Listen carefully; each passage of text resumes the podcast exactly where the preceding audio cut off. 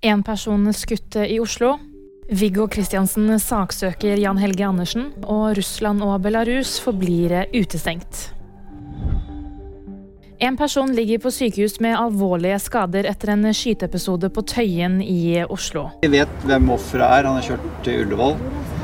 Han er en eh, ung mann. Jeg sier ikke noe mer rundt han per nå. Jeg vet ikke så mye mer eh, akkurat nå, jeg heller. Eh, men han er al alvorlig skadd. Det sier politiets innsatsleder Steinar Bjerke lørdag kveld. Ifølge Bjerke søker politiet fremdeles etter gjerningspersonen og avhører vitner. Du kan følge oppdateringer om denne saken på vg.no. Viggo Kristiansen anmelder og saksøker Jan Helge Andersen. Det bekrefter Kristiansens advokat Arvid Sjødin. Sjødin forteller VG at de kommer til å levere en anmeldelse for falsk anklage i løpet av den kommende uken.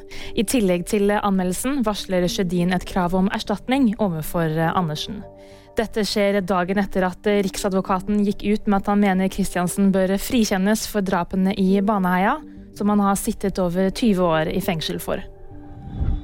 Utestengelsen av ski- og snowboardutøvere fra Russland og Belarus opprettholdes. Utøverne får altså ikke delta i konkurranser i regi av Det internasjonale ski- og snowboardforbundet i den kommende sesongen, og de får heller ikke delta i ski-VM 2023.